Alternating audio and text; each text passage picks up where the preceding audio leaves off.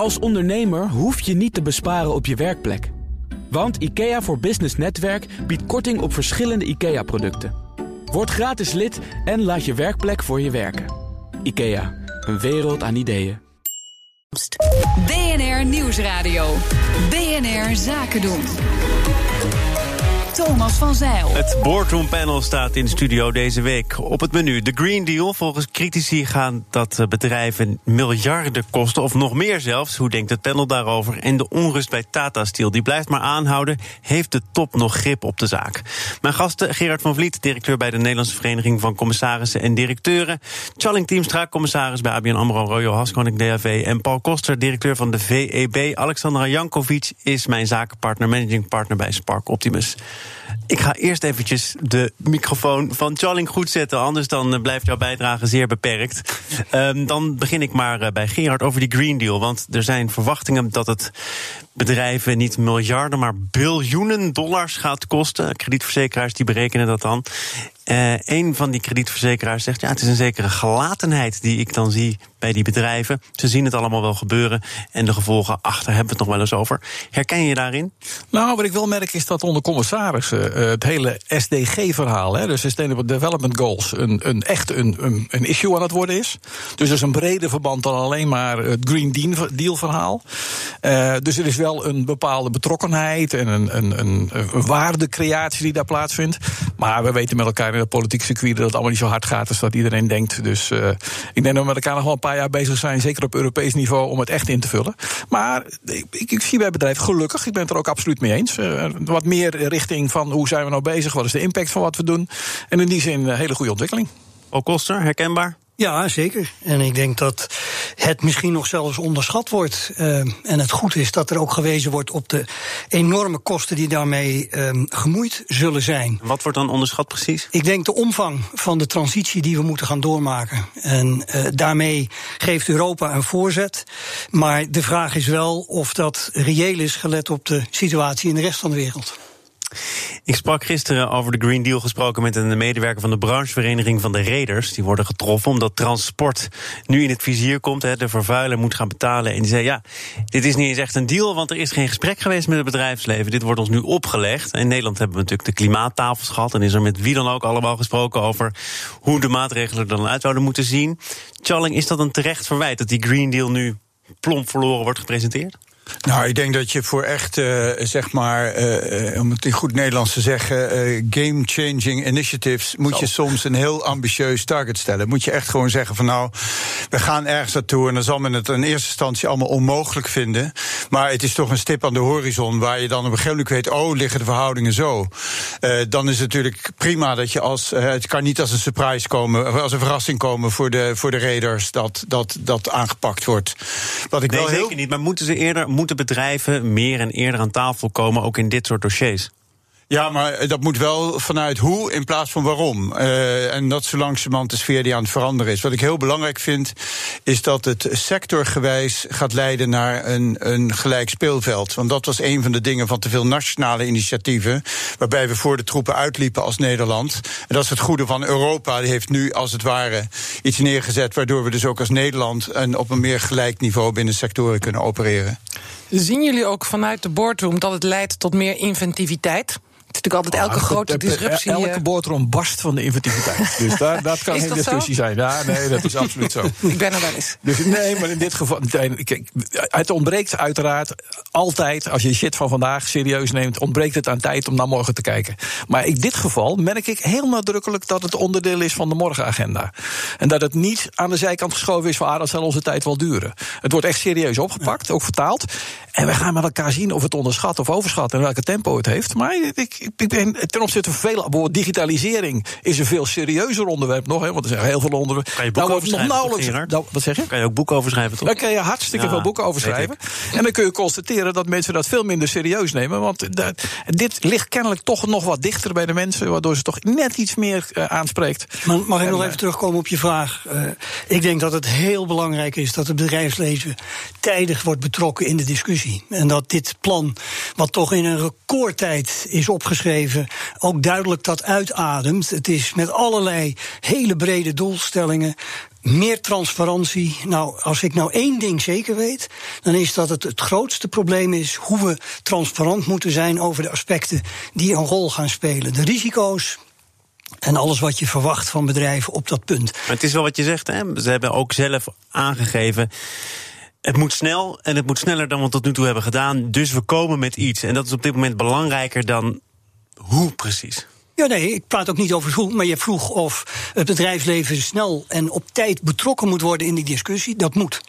Wil je deze omvang, want je praat over inderdaad honderden miljarden, dan moet er samenwerking zijn vanuit de private financiële markt en de publieke markt. En hoe krijg je dat dan goed voor elkaar? Want die klimaattafels in Nederland, daarvan is ook wel gezegd: jongen, het duurt maar en het duurt maar. En dan komt er iets en dan is er ook nog heel veel uh, onvrede over. Is er weinig gedeeld belang? Ja, het blijkt, ik denk dat zoiets dramatisch als dit uh, kan alleen maar gerealiseerd worden wanneer je een ambitieus doel neerzet. Het is een beetje hetzelfde verhaal als ik geloof het, uh, Amsterdam heeft geloof ik ook een van de doelstellingen dat vanaf 2030 mogen er geloof ik geen brand, brandstofauto's meer uh, rondrijden. Nou, ongetwijfeld volstrekt onhaalbaar, maar het zet wel een, een, een, een stok in de grond waar mensen rekening mee gaan houden. En het maar, leidt denk ik uit. Maar Tjalling, dat geeft ja. toch het risico dat je beloftes doet die dan niet gehaald worden en dat dat weer de impact impuls die je nou juist probeert te creëren ondermijnt. Ik zie het niet als een, als een, als een belofte, Paul. Ik zie het, en dat is een, het heeft, dit heeft ook te maken met leiderschap. Je moet soms als leider eh, moet je iets neerzetten waarvan je zegt van nou, het is misschien niet onmiddellijk duidelijk hoe dat gaat gerealiseerd worden, maar het geeft wel heel duidelijk mijn richting aan. Nou, en, ik, en, ik denk, en ik denk dat het alles te maken heeft met het ontbrekende factor regie. Ja. Want wat we nu voortdurend zien is, er worden heel veel plannen ontwikkeld. Maar wie pakt nou de regie van het echt realiseren? Wie is nou echt degene die zegt, jongens, even geen Frans, nou, Timmermans. Ja. Nou ja, en wie zou dat moeten hij zijn? Hij moest natuurlijk wat van zijn partij. Hij moet het ook waarmaken. Hij wil ook zijn eigen profiel wel geven. Hartstikke goed. Laat hij dat gewoon doen. En dat wij er nu over discussiëren is al het eerste resultaat. wel bij de politiek? Nou, dat denk ik niet. Uiteindelijk ligt de regie ook bij de bedrijven eh, die het moeten gaan realiseren. En die, die daadwerkelijk moeten gaan investeren. Moeten, zonder dat kunnen ze niks. En dat weten ze ook wel. En uiteindelijk maar even, jij, jij, jij, roept zelf nu, eh, wie moet dan de regie uh, op zich nemen? En dan kom je ook met een gedeelde verantwoordelijkheid. Het, het, zeker in Nederlands verband. Hè, we blijven natuurlijk met een gedeelde verantwoordelijkheid zitten. En zo hoort het ook. En, en uh, ik denk dat er altijd wel weer ergens een punt is waarop iedereen zich realiseert: ik heb jou nodig, ik heb jou nodig, ik heb jou nodig. Hoe gaan we dat we met elkaar doen? Charling, jij zei net, het is belangrijk dat dat nu Europees wordt opgepakt. Uh, volgens mij ging uh, Rutte naar Madrid met de tekst Nederland gidsland. Dat was een keer, en dat een linkse term, daar moeten we vanaf. We willen geen gidsland zijn. Nu zie je misschien dat Europa als continent een leidende rol op zich neemt. En zijn er ook mensen die zeggen, ja, maar in China en in Afrika... Daar wordt heel anders naar dit vraagstuk gekeken. Dus gaat dit dan toch een internationale concurrentiepositie verzwakken? Ja, dat risico is er. En daar zul je dus altijd rekening mee moeten houden. Uh, het punt is dat je, we kunnen niet met z'n allen blijven zitten wachten op elkaar totdat de zeespiegel twee meter hoger is geworden. En vervolgens tot de conclusie komen dat we te weinig gedaan hebben. Ik denk dat je ergens moet beginnen. Verbeter de wereld, begin bij jezelf.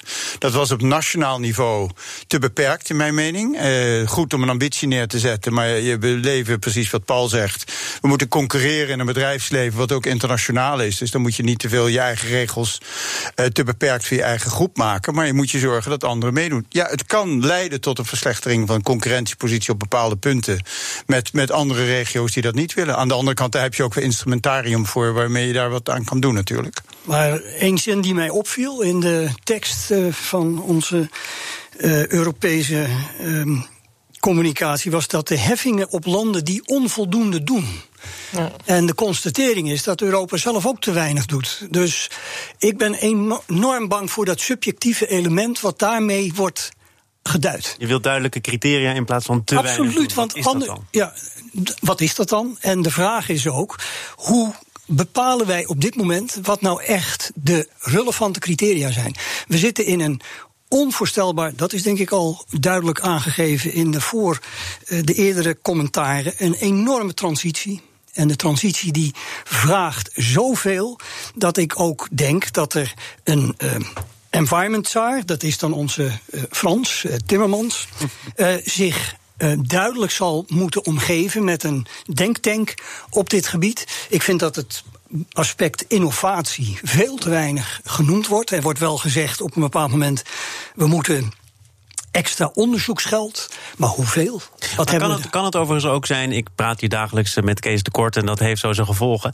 dat je ook kunt zeggen, ja, hier gaan miljarden in om. We kunnen dat Ja, maar helemaal dit niet geeft, bevatten. dit geeft miljarden kansen. Ja, ja, dit geeft miljarden ja, kansen. dat is- dat is de ene we ik de, de, de noodzaak is, we hebben dijken, die, die gaan misschien te laag worden. We hebben absoluut als Maar Nederland... Geld dat je hierin stopt, stop je niet in pensioenen, niet in zorg, niet in andere thema's die we ook heel belangrijk Nou, het leuke is, bij elke activiteit wordt er ook automatisch pensioen afgestaan. Dus dat gaat toch wel door. maar TNO heeft, eh, heeft becijferd of dit nu heel veel banen gaat opleveren in Nederland. En dat is dan zo. Maar daar hoort ook de andere kant bij. Er gaan ook heel veel banen verloren. En Ja, maar laten we vooral weer naar. Kijk, het gaat toch komen. Laten we dan naar de positieve kant kijken in plaats van naar de negatieve kant. Ik- Nederland is als watermanagementland bekend. We En je maken, mag de- toch we maken in rekening elk, houden in, met elk, wat het gaat kosten? in elk goed stadion maken wij de mooiste grasmatten. Laten we ook gewoon het Green Deal land worden. Maar ik steun, ik steun wel wat Thomas zegt. Eh, er is eh, een enorm eh, druk, denk ik, straks op de budgetten. En dat gaat allerlei vragen oproepen. Ehm, wie heeft dan de regie? Wie geeft dan ook duidelijk aan: dit is nu zo belangrijk? En we hadden het al even in ons voorgesprek erover. Er Hebben jullie een voorgesprek gehad? ja, hier net. Jongen, eh, jongen, uit, jongen. eh, er zit een enorme spanning tussen de E-factor en de S-factor. De environment en de sociale aspecten daarvan. Er zit heel vaak frictie tussen wat er goed is voor, het, voor de omgeving, voor het milieu.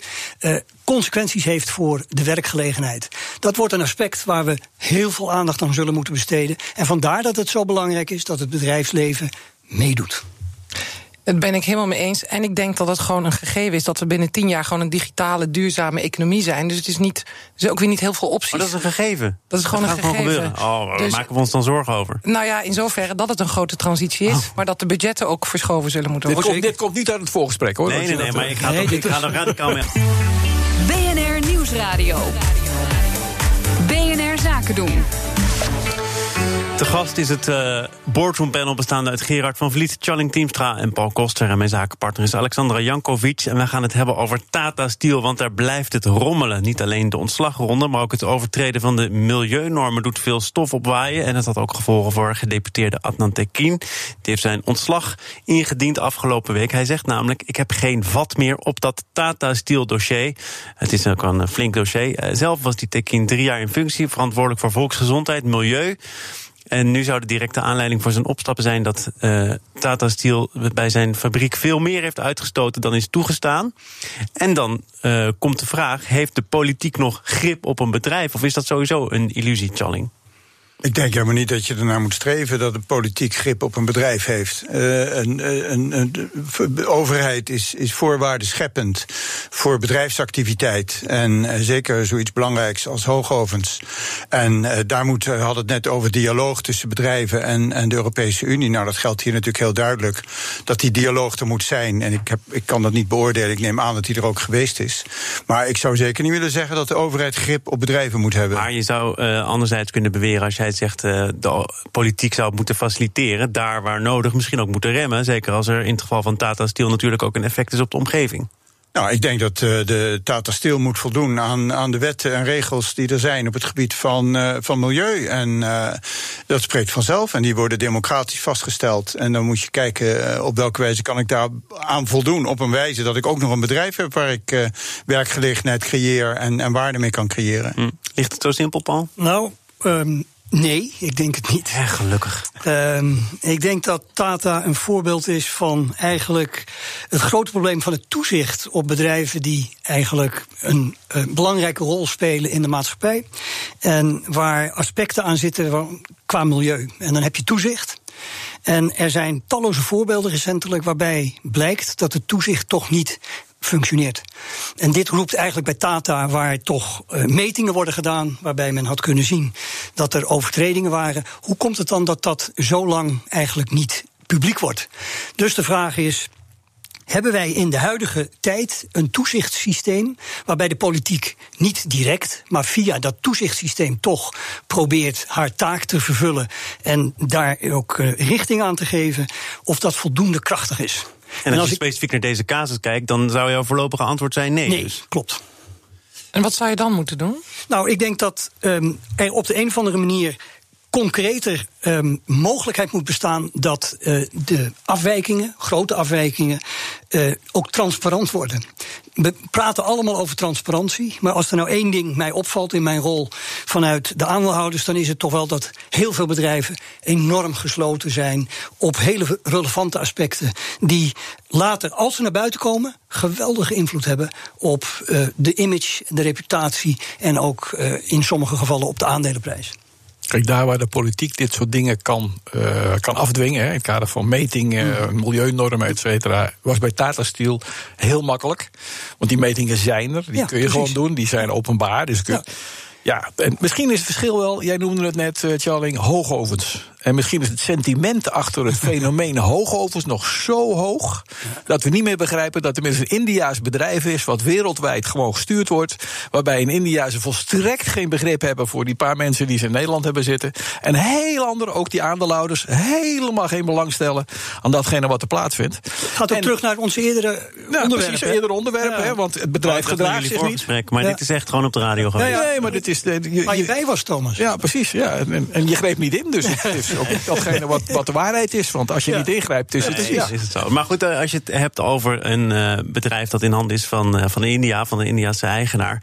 Dan komen we ook bij het volgende dossier wat uh, rond Tata Steel speelt, namelijk de ontslagronde. Vorige week was er een groot protest van FNV. Er komen er nog meer, geloof ik. En de teneur is toch, waarom is het zo stil vanuit de top in Nederland? Um, delen jullie dat, Paul? Ja, ik, ik denk dat ik heel goed begrijp dat dit nu uh, de onrust brengt die uh, eigenlijk uh, een hele tijd is weg geweest. Maar we zullen moeten leven met waar India invloed kan uitoefenen. En het zal een lastige strijd worden. Ja. Het, het betekent, de zware industrie staat gewoon voor zware tijden. En toch nog even, want we ja. hebben het over de structuur van Tata Steel gehad rondom de overname van uh, Eneco door een Japans bedrijf. Toen kwam er een bepaalde structuur naar voren, de structuurvennootschap met meer bevoegdheden voor commissarissen. Ja. Ja. Is toen ook echt gezegd van nou, Eneco kan een voorbeeld nemen aan Tata Steel, want daar hebben commissarissen veel bevoegdheden. Uh, daar heb je dus niet heel veel te maken soms met die eigenaar die op afstand zit. Je kunt je eigen koers bepalen. Is dit eigenlijk het failliet van, van dat model dan? Nou, ik denk dat het heel goed blootlegt hoe lastig het is om als commissaris naar de hoofd, de grootaandeelhouder of de eigenaar uh, een plek in te nemen waarbij je alle issues die voor jou belangrijk zijn in de lokale situatie naar voren te brengen. En uh, dat is denk ik ook uh, in heel veel gevallen waar ik eigenlijk op doel. Je hebt dat gezien in Brazilië, je hebt het gezien in Californië. De toezichthouders hebben het gewoon heel lastig. En dat is niet alleen de overheidstoezichthouder, dat is ook de ondernemingstoezichthouder. De toezichthouder heeft meer ruimte in dit model, tenminste, dat is wat mij verteld is. Maar wordt dus niet opgepakt, omdat je heel lastig, en daar heb ik zelf nogal wat ervaring mee. In India is gewoon een totaal, dus het punt wat Gerrit opbrengt, is gewoon heel terecht. Is een totaal andere cultuur. En als je daar denkt dat je even binnen kan wandelen en zeggen van nou dit is zoals het gaat, dan heb je het echt verkeerd. Ik denk ook echt dat, uh, dat als je in India, en ik heb dat een aantal malen mogen meemaken hoe dat dan gaat. Als je dan probeert uit te leggen hoe dat dan gaat, Anglo-Saxisch ten opzichte van Rijnland, structuur en V, et cetera, zou maar iets hebben, hè? Ja. Nou, dat interpreteren in ieder geval sowieso anders, want de aandeelhouder is altijd degene die de baas is. En is daar iets aan te doen? Nou, dat is denk ik waar Thomas op wees. Je moet in de overeenkomst, laten we nog even teruggaan naar Air France KLM, waar ik me nog elke dag aan erger.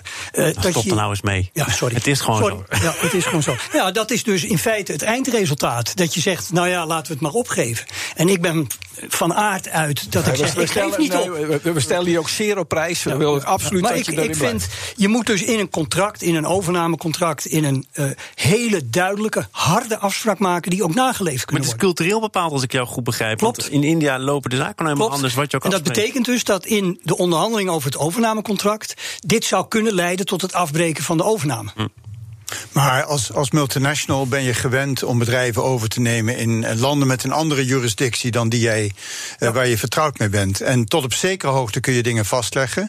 Maar ik denk dat de Nederlandse structuurwetgeving uh, wel degelijk rekening houdt met het feit dat er een 100% aandeelhouders ergens anders zit, die gewoon de commissarissen benoemt en ontslaat, want zo werkt het. En dat dan, uh, daar, zij hebben ook een hele sterke C in die, in die wetgeving op de directiebenoemingen en ons, ontslagen. Dat is weer anders dan in een aantal andere uh, structuren in Nederland. En ik denk uh, dat je uh, eindeloos over rollen moet hebben. En dit geldt in heel vaak in corporate governance. De rol van de directie, de rol van de raad van commissarissen, de rol van de aandeelhouders. En daar kun je niet voldoende aandacht aan besteden. Ik denk dat het aangescherpt moet worden en dat daar best mogelijkheden toe zijn, maar die moeten goed worden opgeschreven. Ik wil nog even met jullie permissie naar Amerika. Want uh, langzamerhand dan barst weer de strijd uh, rond het presidentschap uh, los. Met verschillende kandidaten. Ook met kandidaten die onder vuur liggen vanwege hun banden met het bedrijfsleven. Elizabeth Warren is er een. Pete Buttigieg. Ik moet nog even oefenen op de naam. Ja, ja, en Joe ja, Biden. Ik heb er eens echt. Uh, Buttigieg, dat is het. Heb ik begrepen. In ieder geval hebben ze allemaal gewerkt uh, in het bedrijfsleven. Of er nog belangen, uh, er lopen lijntjes of toch niet. En daar is nu iets over te doen. Uh, het zijn natuurlijk ook voor een deel wat oudere kandidaten. Je kunt ze ook niet verwijten dat ze een cv hebben, dat ze een verleden hebben. Maar Challing, begrijp je toch de opwinding? Nou, het betekent uh, dat het belangrijk is dat je, dat je aangeeft wat je, wat je rol is geweest voor die bedrijven. Precies wat je zegt. Je kan mensen van dat niveau niet verwijten dat ze ook voor bedrijven gewerkt hebben. En je zult toch moeten realiseren dat bedrijven een essentieel deel van de samenleving zijn. Als werkgever, als waardecreator. He, zonder bedrijven geen samenleving, zou ik bijna willen zeggen. Nee, maar als diezelfde kandidaten nu dan zeggen: bedrijfsleven is wel heel erg machtig en de bedrijfslobby moet worden aangepakt. Dit is ook, nou, maar, betekent... wat, dit is ook maar wat je wil horen. Kijk, in Amerika is de ethiek uh, op zaken doen. Kijk even, 80% van de ambassadeurs die Trump benoemd heeft, hebben hem benoemd omdat die sponsor waren van hem. Die hebben helemaal geen achtergrond, geen enkele diplomatieke ervaring, maar die hadden gewoon een beurdel met geld. En daarom zitten ze nu overal over de wereld in posities, inclusief de ambassadeur hier. Ja, als je, als je, ook dat is dan weer cultuur. Hè. Wat is in een bepaalde cultuur relevant? Hier zou je op het moment die de discussie alleen al aangaat, al buitenspel gezet worden. Zo van, oh, dat is verdacht, dat is roken, dat is vuur. Oh, hier, die moeten we niet aan beginnen. Dus het is makkelijk om weer vanuit onze invalshoek met ons domineesvingertje naar te kijken. Maar het is toch even anders. Ik ben zelf van mening dat het een, een beetje een onmogelijke uh, conflict creëert. Want alle relevante uh, mogelijke kandidaten hebben een verleden waar je bij lang zoeken wel vindt dat iemand ergens advies heeft gegeven. Of dat nou McKinsey is geweest. En McKinsey doet nu iets waar je van zegt: ja, daar ben ik het helemaal niet mee eens. Dat disqualificeert je niet dat je ooit voor die onderneming hebt gewerkt en dat je daar werk hebt gedaan wat op dat moment goed was. Warren wordt verweden over Dow Chemical. En dan zeg ik: ja, hoeveel. Uh, advocaten, juristen zijn er niet in een regering die allerlei bedrijven hebben verdedigd. Dus het zou het in feite uitsluiten dat er nog mensen zitten met enige relevante ervaring. De man met de dikste bankrekening is trouwens uh, Bloomberg natuurlijk, hè? Ja, en Bloomberg heeft een hele knappe prestatie gedaan. Uh, dus het is hem gegund. En hij heeft denk ik um, vanuit. hem gegund? 2%, 3% van de stemmen? Ik hoop dat hij in samenwerking met Biden een stem kan gaan vormen tegen Trump. You can't buy the American presidency, hè? Dat is tot nu toe wel gebleken. Nee, het, het, wat mij het meest schokt, maar goed, we zullen niet moeten afdwalen, maar dat doe ik dan toch heel even. Dat de constitutie in Amerika toch minder bescherming biedt tegen de excessen van uh, president Trump dan wij oh. hadden verwacht. We zijn helemaal aan het einde gekomen van het panel. Morgen is het trouwens, nee, Paul, dat wil ik toch ook nog even aan jou vragen. Uh, Jaap Korteweg van de Vegetarische Slager te gast. Oh, wat goed. Moet ik nog een vraag stellen ja. namens de VEB? Ja, namens de VEB. Wat is zijn verwachting of dit op enige manier toch weer naar voren komt als niet zo goed als dat men nu claimt? Oh, dat is een leuke vraag. Oké, dank. Ik zal hem uh, onthouden. Paul Koster, directeur van de VEB. Challing Teamstra was er ook commissaris bij ABN AMRO en Royal Haskoning DHV. Gerard van Vliet, directeur bij de Nederlandse Vereniging van Commissarissen en Directeuren. Fijn dat jullie het panel wilden vormen. Alexandra, tot de volgende keer. Tot de volgende keer, dankjewel. Als mijn zaakpartner. En zoals gezegd, Jaap Korteweg is hier morgen het gast in BNR Zaken doen. Zometeen eerst tijd voor Newsroom, onze dagelijkse podcast van het FD en BNR. Veel plezier daarmee en tot morgen. Als ondernemer hoef je niet te besparen op je werkplek. Want IKEA voor Business Netwerk biedt korting op verschillende IKEA-producten. Word gratis lid en laat je werkplek voor je werken. IKEA, een wereld aan ideeën.